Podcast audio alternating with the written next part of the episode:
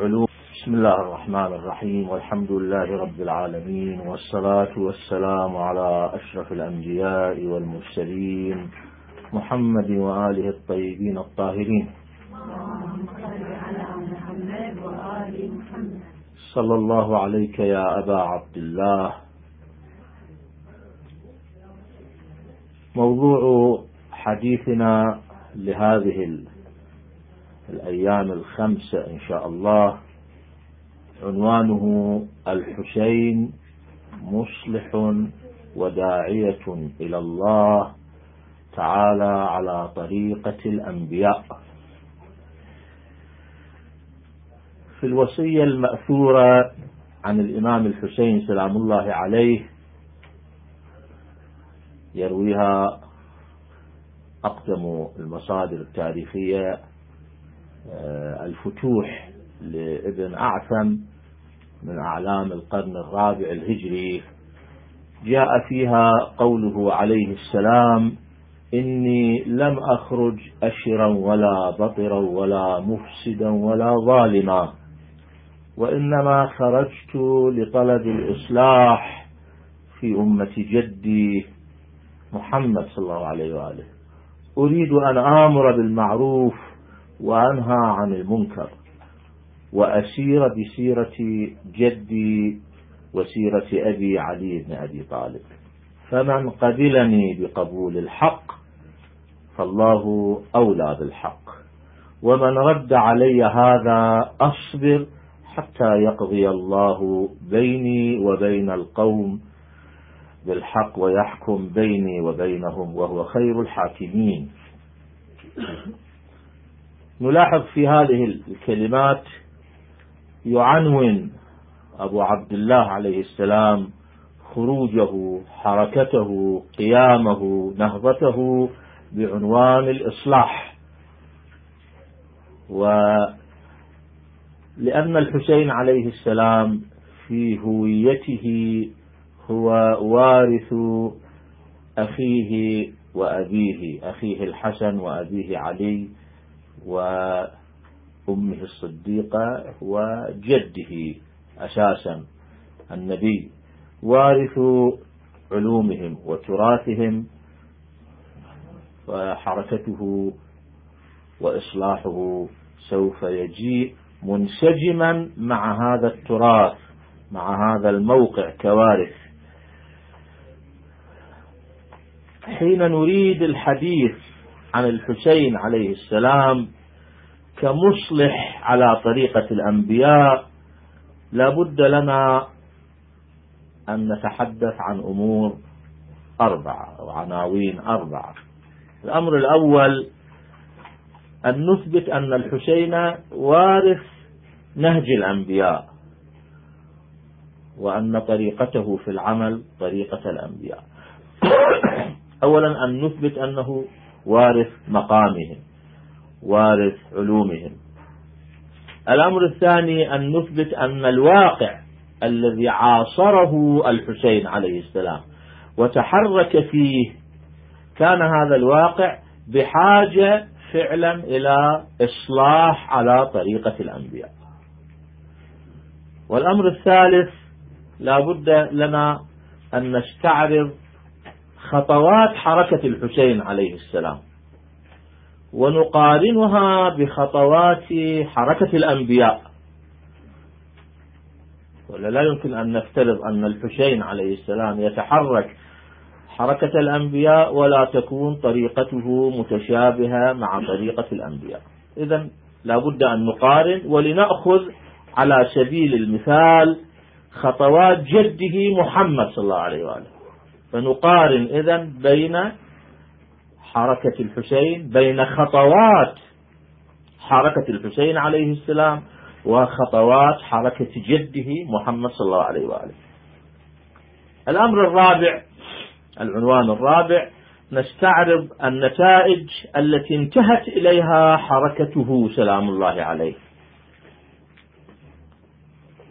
ومن الطبيعي لا تنتهي هذه الحركة بقتله يوم عاشوراء وإنما قتل الحسين عليه السلام يوم عاشوراء إنما كان هو آه، مرحلة من مراحل حركة الحسين سلام الله عليه. صحيح انتهت فيها حياته الشريفة حياته الزكية ولكنها انطلقت بعده عبر ذريته وشيعتهم إلى اليوم وإلى ظهور آه، بقية الله التاسع من ذرية الحسين سلام الله عليه. هذه هذا الموضوع استعراض النتائج نتائج الحركة أيضا نحتاج أن نقارنها بنتائج حركة الأنبياء ولنأخذ نأخذ سوف نأخذ إن شاء الله على سبيل المثال حركة موسى عليه السلام. ونكتشف التشابه بين الحركتين على مستوى النتائج لمدة أربعة عشر قرنا تقريبا أو أقل أو أكثر لنكتشف أن أن التطابق واضح تماما بين حركة الحسين عليه السلام وحركة موسى. فهذه موضوعات أربعة. نحاول إن شاء الله في محاضراتنا المقبلة آه، نتحدث عنها. أحاول في هذه في هذا الوقت القصير أن أجيب على سؤال من هو الحسين عليه السلام؟ الحسين عند الإعلام الأموي رجل ثائر من أجل الملك مارق عن الدين مفسد يستحق القتل وفق أحكام الإسلام. هكذا عرضه الإعلام الأموي. وطبعا هذه النظرة إلى الحسين عليه السلام انتهت بانتهاء بني أمية حيث قام الإعلام الأموي على هذه النظرة وإشاعتها. ولم يبقى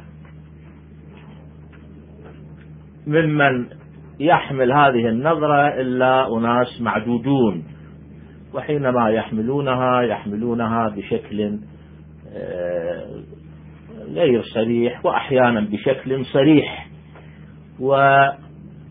وممن حمل هذه النظرة الإعلامية من الكتاب المعاصرين يعني في القرن المنصرم آه، الشيخ الخضري آه، صاحب كتاب الدولة الأموية وهو أستاذ آه، في الجامعة المصرية أستاذ أزهري ألقى محاضراته عن الدولة الأموية وقال فيها جاء في محاضراته يقول وعلى الجملة فإن الحسين أخطأ خطأ عظيما في خروجه هذا جر على الأمة وبال الفرقة والاختلاف وزعزع عماد إلفتها إلى يومنا هذا. غاية الأمر أن الرجل طلب أمرا لم يتهيأ له ولم يعد له عدته فحيل بينه وبين ما يشتهي وقتل دونه. كاتب آخر هو أحمد العشيري في كتابه آه، موجز التاريخ الإسلامي. آه، يذكر نظير هذا الكلام وختمه بكلام آخر للدكتور أحمد شلبي في في موسوعته التاريخ الإسلامي الجزء السابع طبعة سبعة آه، سنة 1984 طبعة القاهرة. يقول هذا الكلام لكن لم ينسبه العشيري إليه لكنه موجود في كتابه في كتابه في كتابه موسوعة التاريخ الإسلامي. يقول وكانت هذه فتنة يعني فتنة الحسين عليه السلام كما يزعمون.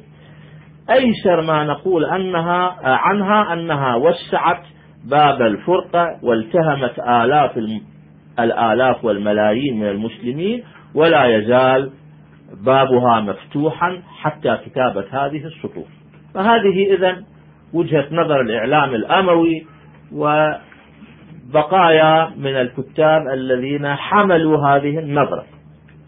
أما الإعلام العباسي فالحسين لديهم ثائر يستحق الملك يستحق الخلافة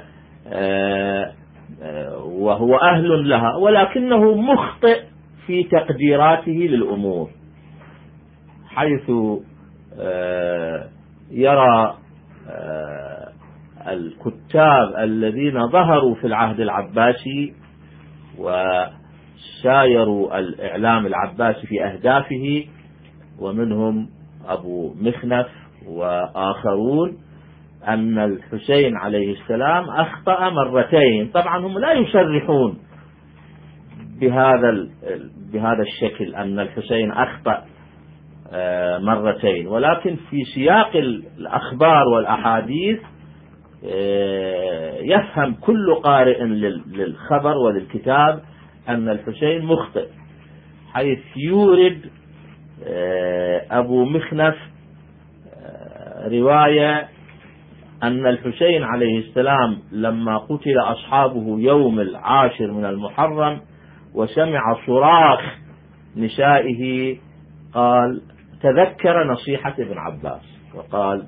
لله درك أو آه، أنه آه، أشار أن لا يأخذ النساء معه. آه، مما يفهم أن الحسين عليه السلام كان يعبر عن ندمه أنه لو لم يأتي بالنساء والأطفال. وكذلك في هذا الكتاب وفي غيره من الكتب آه، يذكرون حوارات عديدة بين الحسين سلام الله عليه وبين جملة من الأعلام أعلام الصحابة والتابعين آنذاك حين نصحوه بأن لا يخرج إلى العراق لأنه أهل شقاق ونفاق وأنهم قتلوا أباه وأنهم وأنهم وأنهم ولكن الحسين عليه السلام خالفهم جميعا. وخرج إلى العراق وتحقق مصداق قول القائلين أن أهل الكوفة سوف يخذلون الحسين أنه سوف يسلموه. فهذه هذا الإعلام العباسي بني على هاتين المسألتين حينما يعرض الحسين عليه السلام. يعرضه ثائر آه، من حق الملك آه، ومن أولى به آه، ولكنه اشتبه مرتين المرة الأولى لأنه اصطحب نساءه وأطفاله والمرة الثانية لأنه وثق بأهل العراق. وظن أنهم سوف ينصرونه. أما الإعلام الشيعي الإعلام الإمامي الإعلام الذي بناه أهل البيت عليهم السلام التسعة من ذرية الحسين الذين بنوه الأئمة التسعة من ذرية الحسين فيعرضون الحسين عليه السلام على أنه وارث الأنبياء أنه صاحب حركة إصلاح في المجتمع على طريقة الأنبياء. ولا تكاد تخلو زيارة من من زيارة من الزيارات التي زار بها الأئمة عليهم السلام أدب بها شيعتهم أن يزوروا الحسين عليه السلام. لا تخلو من كلمات في هذا السبيل وأشهرها زيارة وارث. السلام عليك يا وارث آدم صفوة الله. السلام عليك يا وارث نوح النبي الله. ثم تكرر وراثة إبراهيم وموسى وعيسى ومحمد صلى الله عليه وآله وأمير المؤمنين علي والحسن وفاطمة. فإذا هو وارث الأنبياء وخاتمهم محمد صلى الله عليه وآله ووارث فاطمة عليه السلام والحسن وعلي سلام الله عليه. وارث خط وارث الأنبياء ووارث طريقتهم في العمل. كذلك حينما نقرأ في في قوله عليه السلام في إحدى الزيارات وأشهد أنك قد أعذرت في الدعوة. أي دعوة إلى الله تعالى. فهو داعية إلى الله مصلح وداعية إلى الله. يعني مصلح على طريقة الأنبياء كما قلنا وقد وردت هذه اللفظة لفظة الإصلاح في في حركة شعيب النبوية. قالوا يا شعيب أصلاتك تأمرك أن نترك ما يعبد آباؤنا؟ أو أن نفعل, نفعل في أموالنا ما نشاء إنك لأنت الحليم الرشيد. قال يا قوم أرأيتم إن كنت على بينة من ربي ورزقني منه رزقا حسنا وما أريد أن أخالفكم إلى ما أنهاكم عنه. إن أريد إلا الإصلاح ما استطعت. فحركة شعيب وهو نبي أرأيتم إن كنت على بينة من ربي البينة من ربي من الرب هي المعجزة. آه، أفمن كان على بينة من ربه؟ محمد صلى الله عليه وآله. البينة هي القرآن. آه، الأنبياء الله تعالى يؤيدهم بمؤيدات إلهية بمعجزات لكي آه، تفتح لهم الطريق أمام الناس أن هؤلاء عن الله تعالى يتحركون أولياء لله تعالى مؤيدون به. إن أريد إلا الإصلاح. هذا إصلاح نعبر عنه على طريقة الأنبياء لأنه إصلاح إلهي. آه، منهجه منهج إلهي. الحسين عليه السلام في الزيارات يؤكد كما أكده في كلامه أريد الإصلاح وأيضا في الزيارات. وأشهد أنك قد أعذرت في الدعوة. إلى الله تعالى إلى الإصلاح. وبذلت مهجتك في الله لتستنقذ عباده من الضلالة والجهالة والشك والارتياب إلى باب الهدى. فإذا الحسين عليه السلام هويته حقيقته في إعلام أهل البيت عليهم السلام أنه مصلح وداعية إلى الله تعالى على طريقة الأنبياء. طبعا هذا المطلب بحاجة إلى بحث استدلالي. لابد أن نستدل كيف أن الحسين عليه السلام ورث الأنبياء اللي هو إن شاء الله في في الحديث المقبل إن شاء الله نتحدث عنه. لأننا لا نتعامل مع مصيبة مجردة عن صاحبها. مصيبة قتل الحسين عليه السلام وما أصيب به الحسين عليه السلام من قتل أولاده بين يديه وأهل بيته. وأصحابه. هذه مصيبة الحسين عليه السلام آه، في الحقيقة آه، جزء من أو, أو تبع لحركته عند حركة الحسين عليه السلام تحرك. وهذه الحركة هي حركة إصلاحه. يعني قتل وهو في طريق الإصلاح. قتل وهو يتحرك نحو الإصلاح. قتل وخطواته تفيض بهذا الإصلاح. آه، فهو مصلح تحرك. لابد أن أن نتناول هذه هذه الهوية للحسين عليه السلام أنه مصلح آه، على طريقة الأنبياء. لابد أن نثبت أنه وارث للأنبياء نثبت أنه فعلا ورث مواريث النبوة الخاتمة وصلت إليه. وماذا يعني مواريث النبوة وصلت إليه؟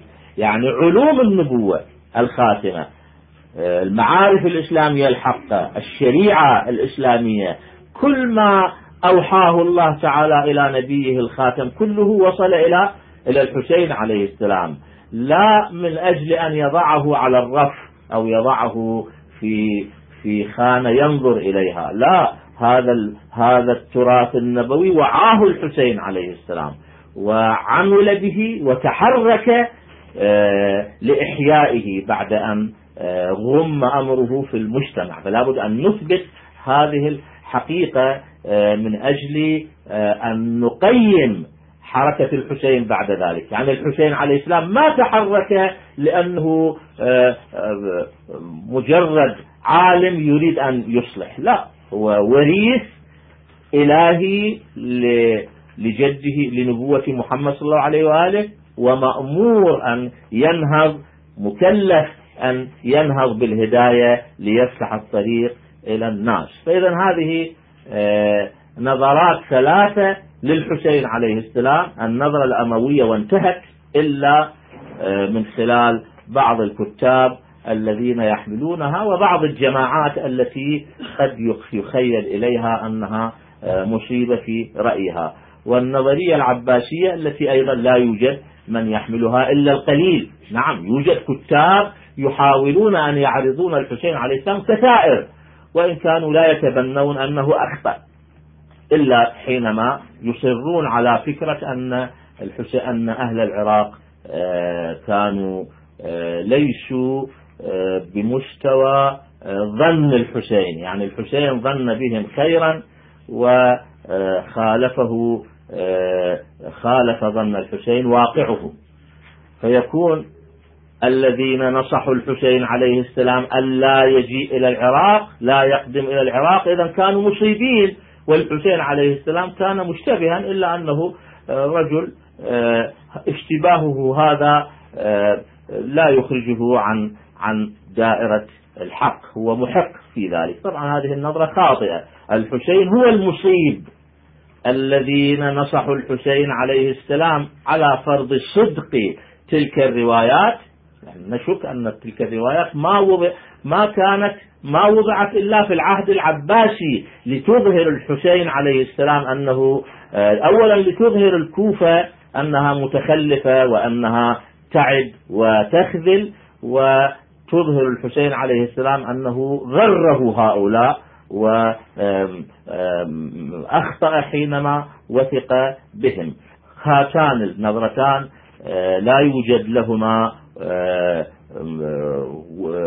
أثر كبير وإنما الأثر الكبير الذي يحكم الساحة إنما هو آه، النظرة الأخرى. طبعا آه، الساحة تحمل هذه الأفكار جميعا آه، ولكن الكيان الشيعي الذي بناه أهل البيت عليهم السلام يحمل النظرة الثانية حيث آه، يزور كل شيعي أبناء الشيعة يزورون الحسين عليه السلام بهذه الزيارات فلا يعرفون من الحسين إلا أنه وارث إلا أنه حجة إلا أنه شهيد إلهي على الأمة.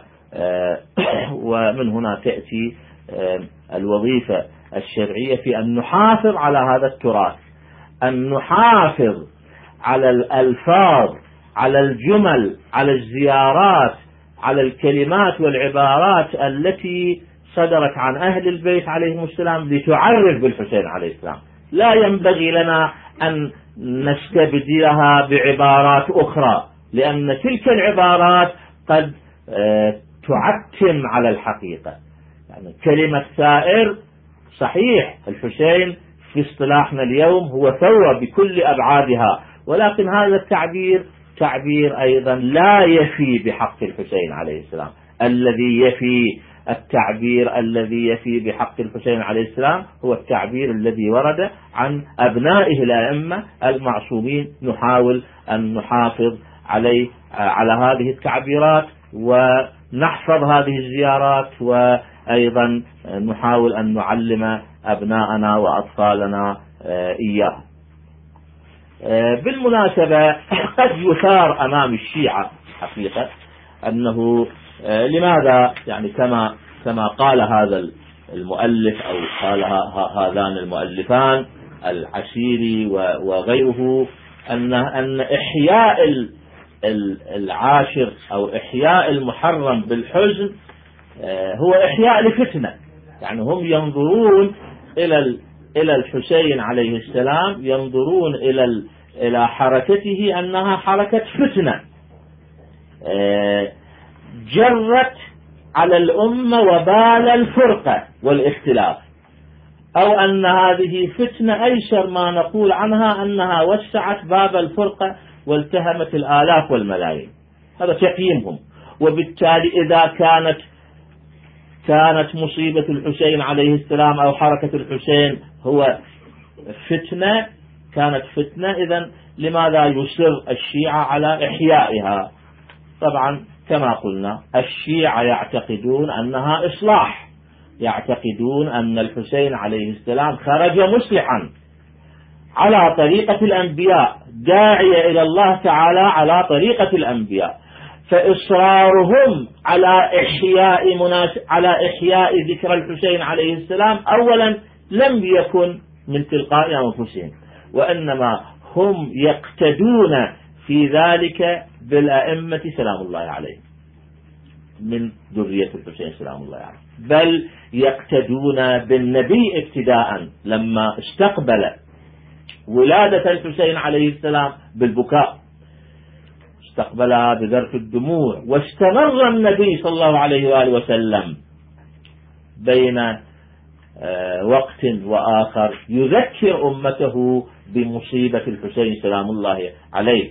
فإذا هي سنة نبوية أن نحيي ذكر الحسين عليه السلام بالحزن وبالبكاء. وقد أسس الأئمة من ذرية الحسين وبخاصة يعني على عهد منذ عهد الإمام السجاد والإمام الباقر والإمام الصادق سلام الله عليهم والأحاديث كثيرة تروى عنهم. أما على مستوى المجتمع أسسه آه، الإمام الرضا سلام الله عليه لما أكره على ولاية العهد ودامت هذه الولاية سنتين تقريبا وشهور.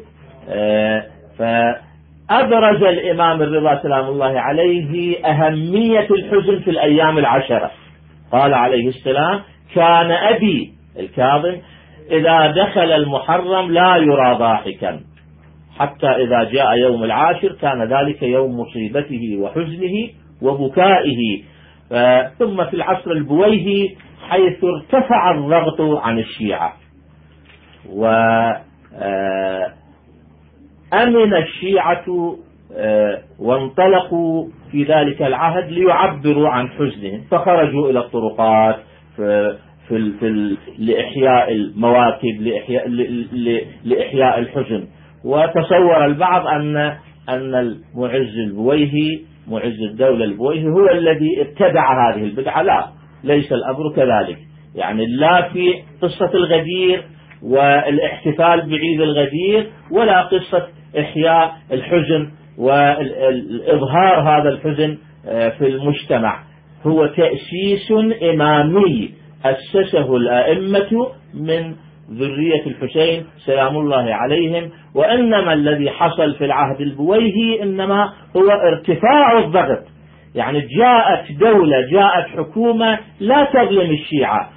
أو جاءت حكومة من الشيعة. الخلافة موجودة الخلافة العباسية ولكن الذي يمسك بزمام الأمور رئاسة وزراء كما يعبر عنها أو أو دو أو أو جهة تنفيذية كما يقال جهة تنفيذية شيعية فعاشت الأعراف الشيعية كعرف يوم الغدير أو عرف عرف الأيام العشرة الحزن في الأيام العشرة عاشت عزيزة ومحمية من قبل الدولة بخلاف العهود السابقة حيث كانت آه، مطاردة محاربة مضطهدة من قبل الدولة. كما يحصل اليوم؟ يعني في عهد النظام السابق المواكب الحسينية أيام يوم الغدير آه، الدولة تحاربها لا تسمح بها. الآن الحمد لله ارتفع الكابوس وانطلق شيعة أهل البيت ليعبروا عن ذلك.